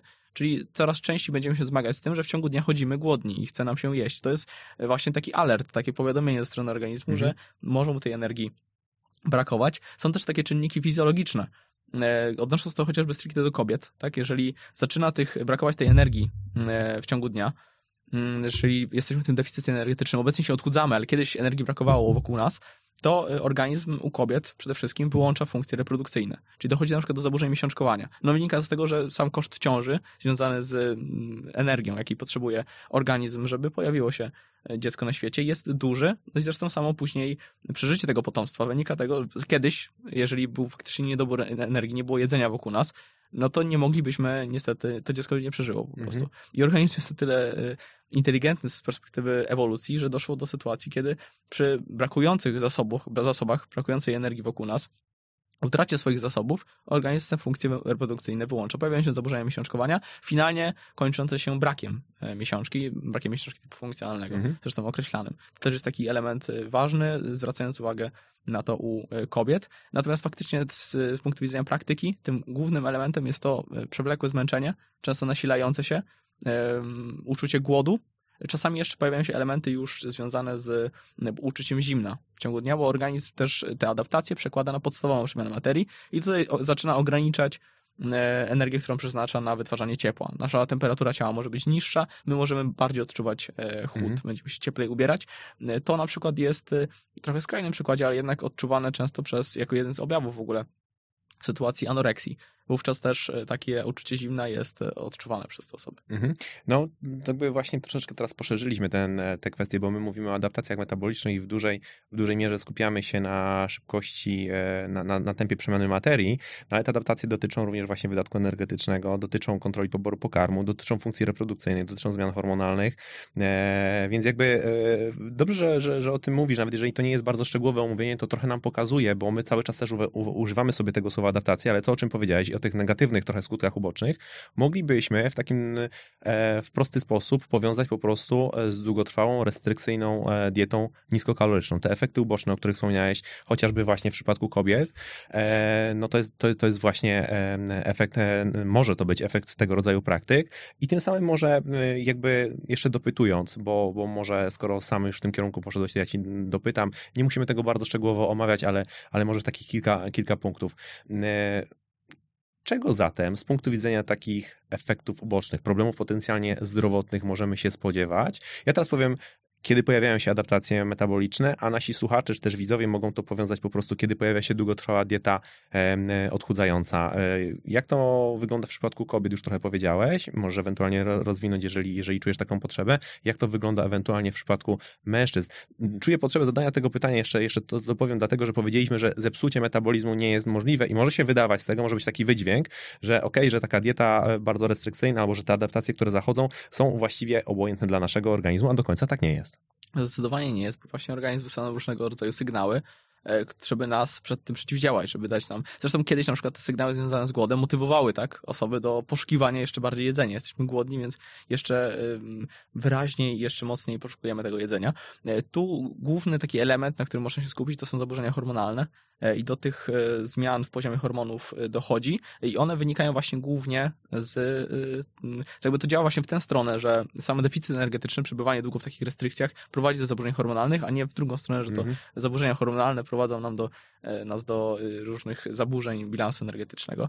Może dochodzić na przykład u mężczyzn, stricte odwołując też to, to funkcje reprodukcyjne do spadku poziomu testosteronu i to też wpływa, odbija się mocno na samopoczuciu w ciągu dnia, bo te, na przykład to, że pojawia się głód, też wynika po części z, efektów fizjologicznych. Dochodzi do spadku, nie wiem czy wymieniać nazwy hormonów, ale dochodzi do spadku mm. poziomu leptyny, do wzrostu poziomu chociażby greliny, hormonów odpowiedzialnych za właśnie kontrolę poboru pokarmu dających nam sygnał, że potrzebujemy coś zjeść. Sama leptyna jest właśnie takim czynnikiem, e, który dobrze nam obrazuje poziom naszych zapasów. To jest hormon w ogóle uwalniany przez tkankę tłuszczową, -hmm. więc jak tracimy tkankę tłuszczową, no to e, uwalnianie samej leptyny będzie mniejsze. Gdy tej tkanki tłuszczowej jest e, więcej, tej leptyny jest więcej. Dlaczego po pewnym czasie nie hamuje to przyrostu tkanki tłuszczowej, wynika z, zjawiska leptynooporności, analogicznie do insulinooporności, o której często się mówi w mediach społecznościowych, tutaj też taka oporność może występować. Więc odwołując też do innych hormonów, między innymi hormony związane z reprodukcją, zarówno u kobiet, jak i u mężczyzn, u mężczyzn właśnie związane z testosteronem, to może dochodzić do hipogonadyzmu e, w skrajnych sytuacjach. Z drugiej strony kwestie dotyczące hormonów tarczycy, e, one też mogą ulec e, obniżeniu co też wpływa po części trochę na tempo przemiany materii. To też jest właśnie te, te, ciągle tak, te wszystko elementy połączone trochę, mm -hmm. nie? które y, dają finalnie nam y, znać, że tracimy swoje y, zapasy. Mm -hmm. No i tak by trochę to spinając i, i, i, mówiąc jednym zdaniem, wprowadzanie organizmu w długotrwały deficyt kaloryczny, duży, restrykcyjny, zwykle nie jest dobrym pomysłem. No zdecydowanie nie, bo to dochodzimy do pewnie do takiej sytuacji, kiedy już organizm w sposób bardzo mocno się upomina. Mamy zdrowy poziom tkanki tłuszczowej, taki nasz y, komfortowy poziom tkanki tłuszczowej, który niekoniecznie musi pokazywać, być związany z kaloryferem na brzuchu, -hmm. na przykład u mężczyzn. Taki zdrowy poziom tkanki tłuszczowej u mężczyzny wcale nie musi być związany zupełnie z kaloryferem e, na brzuchu. E, wiesz, mamy ten kontrowersyjny wskaźnik BMI, który ma wady, w szczególności u osób e, mających rozwiniętą tkankę mięśniową, Natomiast faktycznie populacyjnie to jest dobry wskaźnik, Oczywiście. który mniej więcej pokazuje, e, czy nasza masa ciała, i to też właśnie nie musi pokazywać na poziomie kaloryfera na brzuchu, tak, bardzo niskiego poziomu tkanki tłuszczowej, bo przy bardzo niskim poziomie tkanki tłuszczowej właśnie te wszystkie sygnały najprawdopodobniej, czego dużo osób e, trenujących na przykład sporty sylwetkowe, właściwie praktycznie wszyscy doświadczyli, niestety związanych z tym, że to organizm nam utrudnia coraz bardziej schodzenie jeszcze niżej z poziomu zatłuszczenia. Jest pewien komfortowy poziom zatłuszczenia, który jest zdrowy z punktu widzenia metabolicznego, zdrowotnego, E, i tego się warto e, trzymać. Słuchacie podcastu sieci fitness CityFit. No dobra, no to chciałbym jeszcze na chwileczkę zawinąć trochę do przeciwległego, przeciwległego portu. Czy adaptacje metaboliczne mogą zachodzić e, w drugą stronę, albo może nawet poniekąd odpowiadając na to pytanie i zadając tobie pytanie w, trochę, trochę wprost, dlaczego czasem jest tak, że kiedy mamy taką samą nadwyżkę kalorii, jedna osoba przybiera powiedzmy 2 kg, a druga osoba może przybrać na przykład 5 albo 6 kg. Tutaj warto się w ogóle odnieść do samej, samego liczenia Mhm. tych wszystkich kalorii, bo to też jest e, to, co wrzuciłem na samym początku, że bazujemy na pewnych uśrednieniach. E, Zresztą jak szacujemy swoje wydatki energetyczne z wykorzystaniem tych wzorów internetowych, e, współczynników aktywności, to wszystko są pewne uśrednienia. I do tego dochodzą te adaptacje metaboliczne. I finalnie jak sobie przeliczymy, że kilogram tkanki tłuszczowej to jest 7,5 tysiąca mniej więcej kilokalorii, więc jeżeli wprowadzimy deficyt energetyczny z tego, co tam wyliczyliśmy, powinniśmy tracić tyle, albo w drugą stronę, jak damy nadmiar energii o tyle, to powinno wychodzić tyle, to tu matematyka jest prosta na kartce, natomiast w praktyce dochodzą te wszystkie elementy, które wpływają na to, że e, jednak obserwujemy em, czasem odmienne wyniki. Pewna tendencja może być, ale no nie wygląda to ide- idealnie tak jak na kartce. Natomiast y, to, o co zapytałeś, to tutaj możemy trochę pójść w stronę tej genetyki, Mhm. bo faktycznie mm, no, często się mówi z punktu widzenia i odchudzania i także to jest kwestia genetyczna i faktycznie po części tak jest, bo to jest właśnie ta taka tendencja, że to nam może pomagać. Czyli są osoby bardziej ruchliwe, e, są osoby, które trochę są bardziej chronione przed przybieraniem właśnie nadmie- nadmiarowych kilogramów. Każdy z nas zna osoby, które jedzą bardzo dużo, często niezdrowych pokarmów, bardzo kalorycznych pokarmów, a jednak nie przybierają dużo na wadze, bo e, organizm swego rodzaju dąży do utrzymania tego, tej e, konkretnej masy ciała i to są te czynniki faktycznie trochę chroniące nas z punktu widzenia genetyki. Że y, osoby, które dostarczą nadmiar energii, faktycznie zaczynają się więcej ruszać, Mhm. zaczynają trochę więcej na poziomie tych takich elementów, których nie widzimy właśnie, czyli tego Tej wszystkiego spontanicznej tej aktywności. spontanicznej aktywności, która nam umyka, bo no, nie patrzymy, nie mierzymy tego jakkolwiek, Jasne. jakimkolwiek elementem, a z drugiej strony ograniczeniu apetytu. Często te osoby mimo, że w danym momencie dużo zjedzą i wydaje nam się, że, że tak dużo zjedli, to później na przykład w domu nie są w ogóle długi czas, przez długi czas Mhm. głodni i dużo nie zjedzą. A z drugiej strony są osoby, którym jest trochę pod górkę, czyli osoby, które y, jak zjedzą dużo, to wręcz nawet ograniczają wydatki energetyczne, bo się położą na kanapie i są tacy pełni Mm, i dzięki temu y, łatwiej im się przybiera po prostu na wadze, a y, kwestie dotyczące kontroli apetytu nie są wyłączane. Mhm. To jest właśnie ta, to słabo rozwinięty element dotyczący adaptacji w tą drugą stronę, przybierania na wadze niestety. Okej, czyli można byłoby tak bardzo krótko powiedzieć, że jeżeli mówimy o tych adaptacjach związanych z przyrostem masy ciała, to wciąż w dużej mierze sprowadzamy to do tego, że ten czynnik ruchu ulega pew- pewnym zmianom. U jednych e, na korzyść, u innych niekoniecznie. No i oczywiście ten czynnik związany z kontrolą poboru pokarmu, który, który reguluje to e, często. Dokładnie, nawet z punktu widzenia takiego czysto praktycznego. E, Te, wspomnieliśmy, że tym kluczowym elementem z punktu widzenia bilansu energetycznego jest ten ruch, zarządzanie tym ruchem. Natomiast ta kontrola apetytu i kwestia zarządzania tym kontrolą apetytu jest jeszcze bardziej istotna. E, Tu też można pokusić się o wyliczenia, niektórzy lubią liczby, e, że mniej więcej na każdy kilogram masy ciała, utratę kilograma masy ciała, nasz, e, ko- nasza kontrola apetytu, w sensie chęć jedzenia wzrasta około 100 kilokalorii na dobę. Czyli nam się chce jeść o 100 kilokalorii więcej. Jak ktoś rzuci 10 kilogramów, to około codziennie około 1000 kalorii, e, kilka, kilokalorii więcej chciałby zjeść, Mhm. biorąc pod uwagę poczucie kontroli apetytu. To po pewnym czasie przyzwyczajenia zaczyna się wyrównywać, natomiast to jest pewna walka, tak? Gdy tracimy e, zasoby. Mhm, no dobra. No to e, Radku, na koniec tej części ja bym chciał, żebyś spróbował dać kilka takich bardzo prostych rad dla e, Kowalskich Fitnessu. E, może jak nie wpaść w sidła tych adaptacji, albo może, może nie jak nie wpaść, to może jest trochę zbyt radykalne. Jak je być może trochę utemperować, a może nawet jeszcze prostszych rad. Rad, e, jak zadbać o swój metabolizm. to tutaj sama świadomość tego, że tak może się dziać, czyli że możemy wraz z tokiem odchudzania, gdy chcemy się odchudzać na przykład, bo mówimy o tym przypadku, tego odchudzania, w ogóle mm, zarządzania mm, masą ciała, to jest tak, że sama świadomość, że mogą te, ta nasza aktywność zmniejszać się i może ona wynikać ze zmęczenia, to uchwycenie tego, że hej, czujemy się zmęczeni, że teraz na przykład faktycznie zamiast pójść gdzieś, e, przejście kilometr do jakiegoś miejsca, szukamy za ile będzie autobus, albo od razu sięgamy po auto.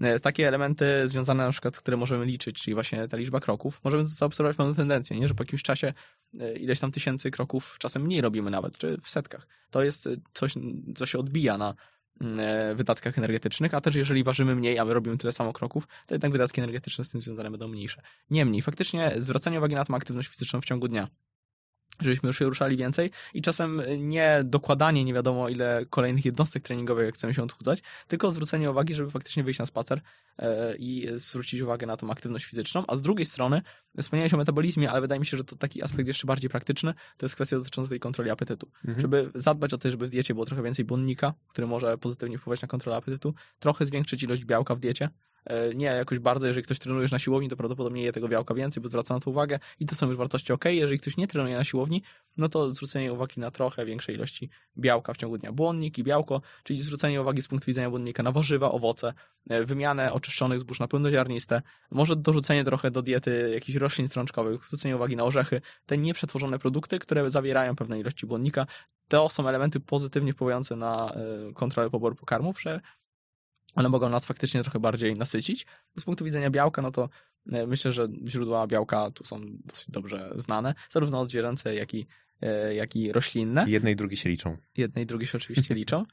To jeszcze z takich rzeczy, o których się mniej mówi, a wydaje mi się, że ma to duże znaczenie i może, można na, ten, na to postawić pewną, pewien wykrzyknik, to są okoliczności spożywania posiłków. Żeby zwrócić uwagę to, że w dzisiejszych czasach często jednak jemy te posiłki w pośpiechu, nie zwracamy uwagi do końca na to, co jemy, jak szybko je jemy e, i nie zwracając uwagi na to, co jemy, e, nie skupiając się na jedzeniu, tylko wykonując różnego rodzaju czynności w ciągu dnia, możemy nie dostrzegać czasem tych e, kalorii, które spożywamy z jednej strony, ale nawet jak kontrolujemy spożycie pokarmu, nie będziemy tak bardzo nasyceni samym pokarmem, jeżeli go spożyjemy zbyt szybko więc na te okoliczności spożywania posiłku, żeby się skupić na posiłku, który jemy, e, znaleźć na to przestrzeń w ciągu dnia i jednak jeść trochę wolniej, bo często to jest duży problem, że jemy za szybko.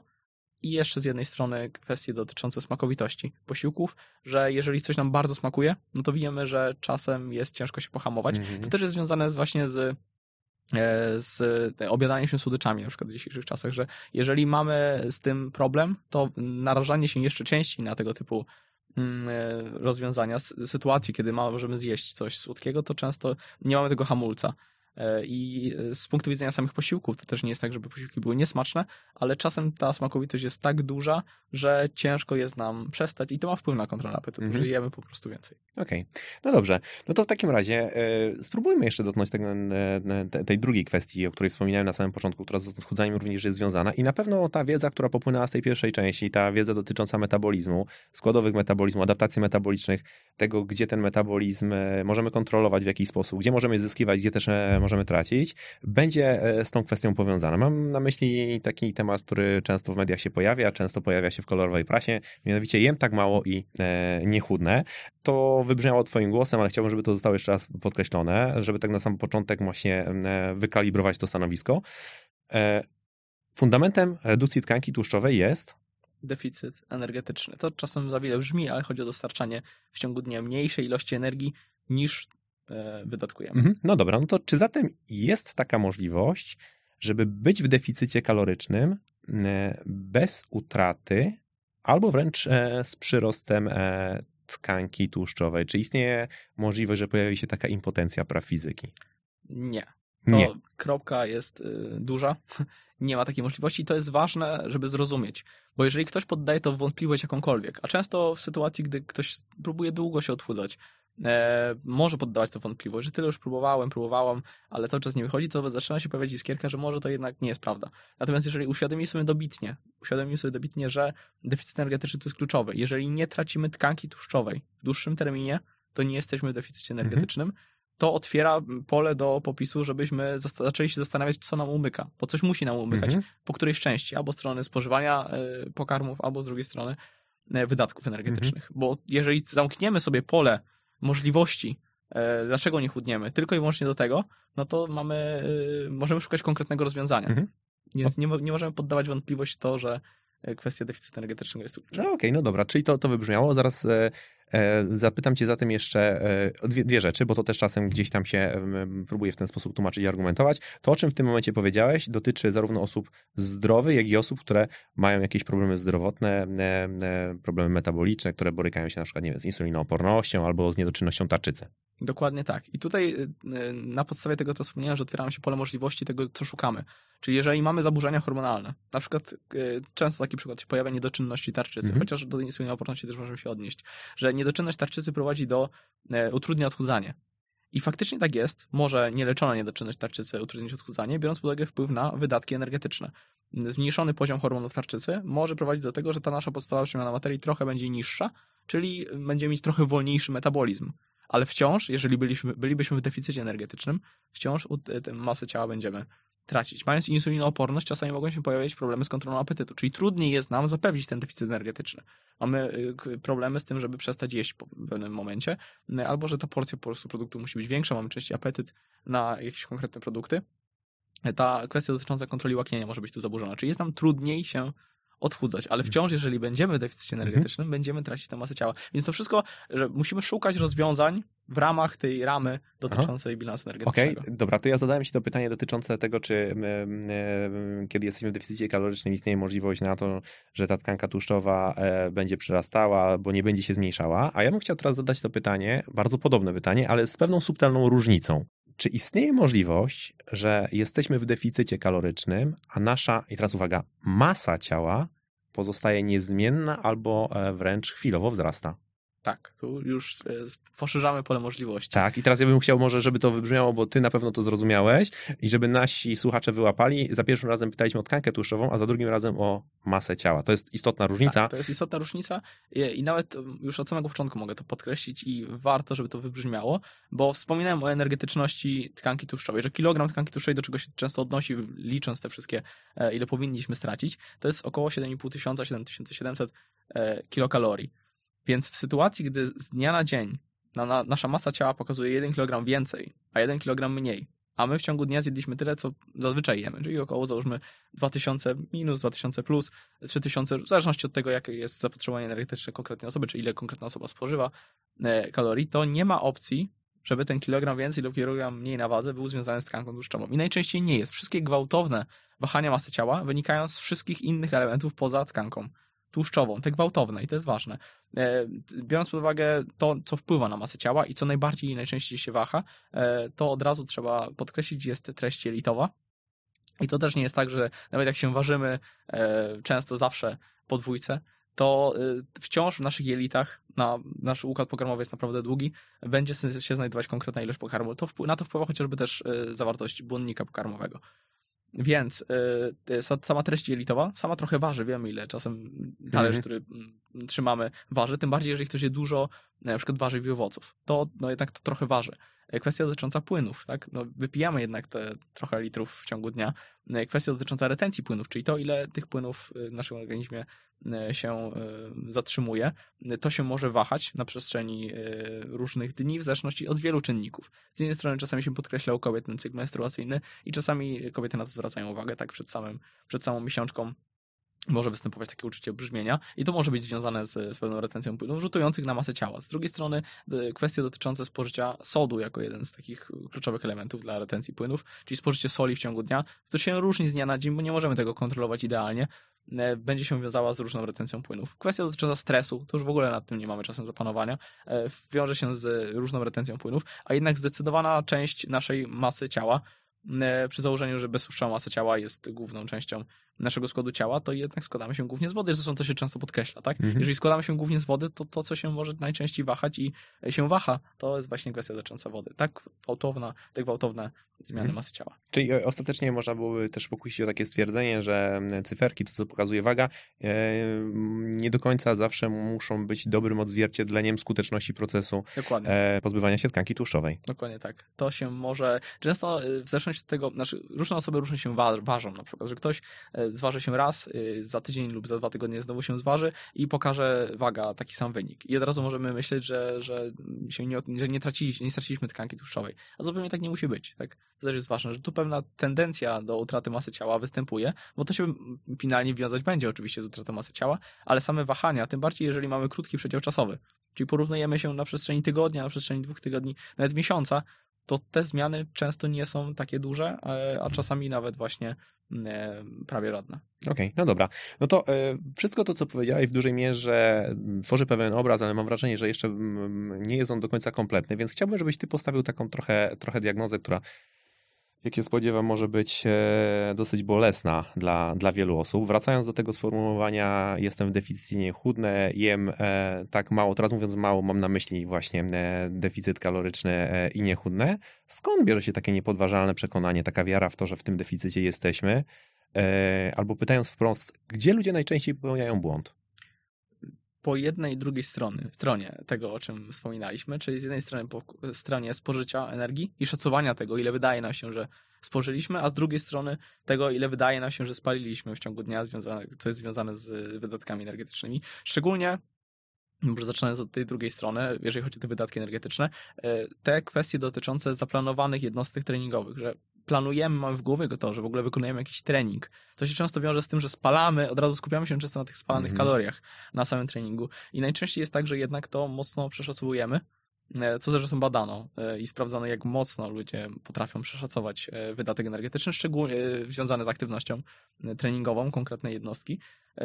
Szczególnie gdy ta aktywność jest dla nas męcząca, tak bardzo męcząca, że wyszliśmy spoceni cali, więc czujemy, jak dużo energii przepaliliśmy. No najczęściej nie są to tak duże wartości, jak możemy sądzić. Oczywiście warto się ruszać i warto e, potencjalnie też zwracać uwagę na te, te wydatki energetyczne związane z aktywnością, ale to wciąż nie są bardzo duże e, ilości. No jeżeli mówimy tutaj o jakby mm, przełomie populacji, tak, mamy sportowców, e, sportowców wytrzymałościowych i faktycznie tam na tych długotrwałych treningach wydatki energetyczne mogą być kolosalne, no i tam dietetyka sportowa specjalizująca się w tym to uwzględnia e, czasami I czasem staje na głowie, próbując dostarczyć odpowiednią ilość kalorii. Tak. Ale biorąc pod uwagę faktycznie takie przeciętne treningi, które często dla e, osób, które po prostu są męczące i dobrze, że są męczące, bo o to też warto dbać, no jednak nie jest, e, no z jednych z badań na przykład mm, wprowadzono aktywność, które trwały mm, około 20 kilku minut i 44 minut, e, związanych z taką średnią aktywnością, ale czymś, co było męczące, takie cardio, Mhm. na które wiele osób się decyduje. I to mm, spalało łącznie u tych osób, to były średnie wartości czasowe, e, 200 i 300 kilokalorii kolejno. Natomiast poproszono osoby o oszacowanie, ile kalorii przypalały. I osoby, które właśnie zeszły z bieżni, całe spocone, sugerowały, że spalały 700-800 kilokalorii podczas takiej e, długotrwałego biegu. Natomiast no, te wartości były znacznie mniejsze i nawet, co ciekawe, cią- ciąg- ciąg- pociągnięto to badanie do spożycia energii, żeby te osoby sobie spożyły tyle energii, ile wydawało im się, że spożyją, no, że spaliły, no i też to było mocno przeszacowanie, że znacznie więcej jednak tej energii e, dostarczyły. Więc przeszacowywanie ilości energii, którą spalają w ciągu dnia. Jeżeli ktoś sobie szacuje wydatek energetyczny, no to często jest tak, że trafia na stronę internetową, gdzie ma wzór, wpisuje swoje dane e, dotyczące masy ciała, wzrostu, wyskakuje mu podstawowa przemiana materii, czyli to, o czym dzisiaj już mówiliśmy wielokrotnie, e, i często to się mnoży razy współczynnik aktywności. Tak jest. Jeden przecinek najczęściej i coś tam. I to też, e, no, po pierwsze, to są szacunki, tak? E, Natomiast uzyskujemy jakiś wynik, gdy sobie oszacujemy, ile mniej więcej spalamy. I to no już z tej perspektywy, gdy wiemy, że bazujemy na wzorach, to jest bardzo mocno uśrednione i też często niestety populacyjnie przeszacowujemy ten współczynnik aktywności, że jednak jest on trochę zbyt duży. Jeżeli od tej wartości wprowadzamy jakiś deficyt energetyczny, tym bardziej jeżeli on będzie niewielki, to może być tak, że no nie tracimy masy ciała i nam się wydaje, że jest, jesteśmy w deficycie energetycznym i nie chudniemy. Gdybyśmy byli w faktycznym, fizjologicznie deficycie energetycznym, to tracić tkankę tłuszczową byśmy tracili. Natomiast jeżeli nie tracimy, no to tutaj już mamy ten szkopuł, tak? Popełniliśmy błąd na poziomie wyliczeń, że przeszacowaliśmy swoje wydatki energetyczne związane z tym, ile spalamy w ciągu dnia.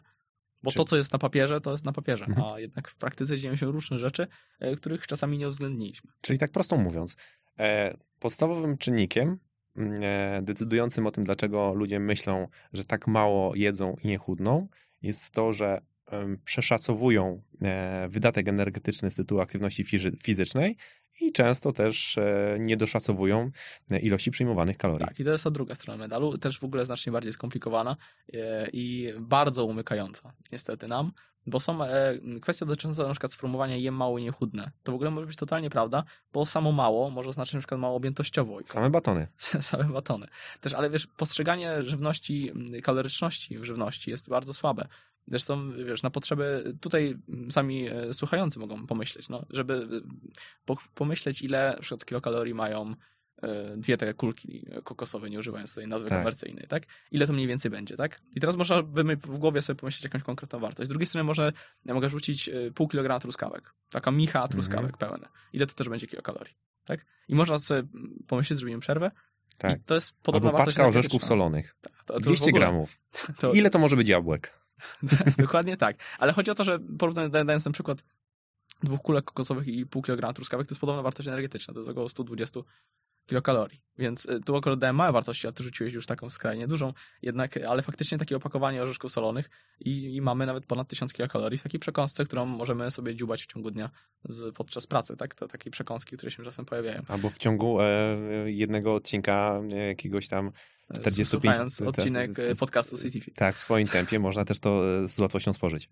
Dokładnie tak. E, Więc takie umykające nam elementy, a ich jest naprawdę dużo. To, co najczęściej nam umyka, to jednak jest kwestia dotycząca makroskładnika, jakim jest tłuszcz. To też nie, nie robi wydźwięku, że to tłuszcz jest jakiś problematyczny, ale to jednak on często umyka, bo on w postaci czy to olejów mm, najczęściej, czy w postaci chociażby śmietany, jako dodawany taki element, jak robimy jakieś danie obiadowe, często jakiś tam śmietany dodajemy, to bardzo łatwo się leje na patelnię, tak samo takiej oliwy. Nawet jak dostajemy później rozpiskę od dietetyka czasami, jest jakaś sformułowanie 10 gramów oliwy, na przykład jako łyżka oliwy, to my z przyzwyczajemy, bierzemy tę patelnię i dodajemy, Na lejemy oko. trochę tej oliwy. Mhm. Tak, A na oko. gęstość energetyczna Dokładnie, robi swoje. a to jest, to jest tak, że możemy na oko zrobić 200-300 kilokalorii więcej. Jeżeli takich błędów popełnimy w ciągu dnia 2-3, a tym bardziej mniejszych, ale więcej, naj, bo najczęściej to jest tak, że to nie jest tak, że popełniłem, popełniałem błąd w jednym miejscu, tylko to się wszystko właśnie zbiera z tych wszystkich elementów. Z jednej strony aktywności, przeszacowywanie aktywności, z drugiej strony niedoszacowanie tutaj czegoś, tutaj czegoś. E, też jest, e, to finalnie prowadzi do tego, że ten deficyt energetyczny, który ustalimy sobie, który też często nie jest duży, bo taki racjonalny deficyt to jest załóżmy mniej więcej 15% mniej niż e, nasze zapotrzebowanie, co w wartościach bezwzględnych daje, załóżmy, 400 kilokalorii, 300-400 kilokalorii, to w tej sytuacji bardzo łatwo jest te 300-400 kilokalorii gdzieś, żeby nam umknęło.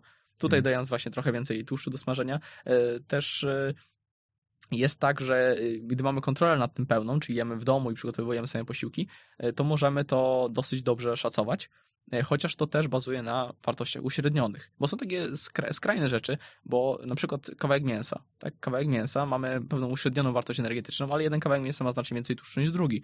I my sobie bazujemy na tych wszystkich uśrednionych wartościach, ale finalnie e, tu się zbiera, tu się zbiera i może nam e, coś z tego wyjść. Natomiast e, zacząłem od tego, że mamy kontrolowane warunki, te domowe, choć to już kontrolowane warunki, ale mamy też niekontrolowane warunki dotyczące chociażby jedzenia w restauracjach, czy jedzenia gdzieś na wynos. E, To tam często jest tak, że niestety w tych restauracjach tego tłuszczu i w ogóle energetyczność tych posiłków jest znacznie wyższa niż moglibyśmy się tego spodziewać. A jak wpisujemy to, ktoś na przykład liczy kalorie i wpisuje to do aplikacji, to no, lubimy sobie często właśnie nie doszacować to, Hmm. ile zjedliśmy. Można sobie zrobić taki eksperyment. Jeżeli, jeżeli to nie jest czynnik, jeżeli to nie jest jakiś wyzwalacz e, taki e, niekorzystny dla nas, to można sobie zrobić taki eksperyment i taki dzienniczek przez e, jakiś czas poprowadzić okazuje się, że można się zdziwić i to może się zdziwić nawet osoba, która jest w tej materii dosyć, dosyć mocno doświadczona. Dokładnie tak. W ogóle taka świadomość żywieniowa to jest, uważam, że populacyjnie ważny element.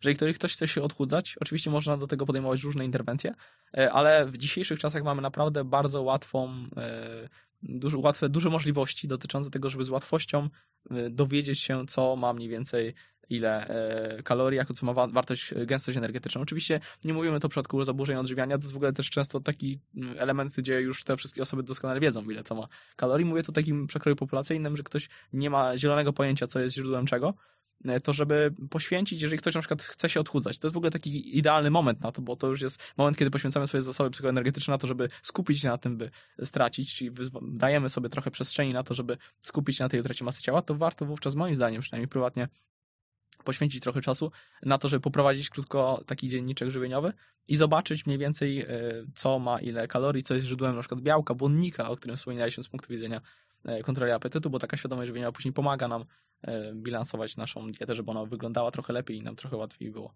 Tak sobie myślę, Radku, że jest szansa, duża szansa, że tłumacząc te mechanizmy, którymi rządzi się nasz metabolizm i te fizjologiczne podstawy utraty tkanki tłuszczowej, mocno przemeblowałeś świat e, wielu ludziom, a z pewnością obaliłeś, e, obaliłeś wiele mitów. Bardzo e, dziękuję Ci za przybycie, bardzo dziękuję Ci za, za tę rozmowę.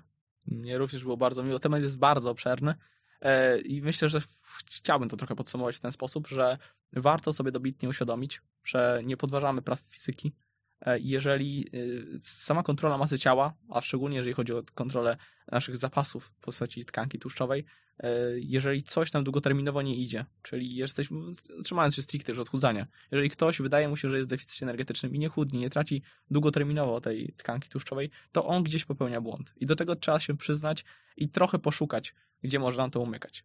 Po jednej części albo po drugiej części są elementy, które nam to utrudniają z punktu widzenia ge- genetyki, wspomniałem. To nie jest tak, że genetycznie jesteśmy uwarunkowani do otyłości. Są skrajne sytuacje, choroby, na przykład zespół Pradera Williego. Są Mhm. już takie skrajne sytuacje genetyczne, które naprawdę nam utrudniają realizację założeń, ale to nie podważa praw fizyki, tylko utrudnia w praktyce właśnie realizacje dotyczące spożycia energii lub wydatkowania energii, ograniczenia wydatków, a z drugiej strony, że mm, na przykład nie, osoby cho- chociażby w, w kontekście wspomnianego przykładu mają problemy z tym, żeby przestać jeść, bo nie czują po prostu e, sytości. I Jasne. to może nam e, zwyczajnie utrudnić, ale szukanie w tym obrębie tego, że nie ma innej opcji, gdzieś musimy popełniać błąd, może nam trochę pomóc. Czyli, że gdzieś, gdzieś po prostu. Tak, e, a jeżeli chcemy zarządzać, jeszcze to podsumowując swoją, swoim, swoim metabolizmem, to głównie tym, na co mamy wpływ, to jest właśnie kwestia dotycząca ruchu, a to, co nam może pomóc, to jest zarządzanie kontrolą apetytu, czyli wpływaniem elementami żywieniowymi, nie tylko żywieniowymi, bo kwestie dotyczące przykład snu, kwestie dotyczące aktywności fizycznej też wpływają na kontrolę apetytu, ale to myślę, że w ogóle jest temat na osobny odcinek. Natomiast wpływanie na te dwa elementy, kontrola apetytu i e, ruch, to są te elementy, którymi możemy najbardziej zarządzać, które mogą rzutować na e, nasze efekty w odchudzaniu. Bardzo, bardzo e, szeroki temat. Zapewne moglibyśmy tutaj nagrać jeszcze e, nie jeden odcinek na ten temat, ale czuję i jestem właściwie przekonany, że to, co powiedziałeś, otworzy oczy i pozwoli trochę swobodniej poruszać się właśnie w tych tematach związanych z metabolizmem i w takich fundamentach związanych z takich fundamentach procesu odchudzania. Bardzo Ci dziękuję. Ja również bardzo dziękuję. Radosław Smolik. Dziękuję.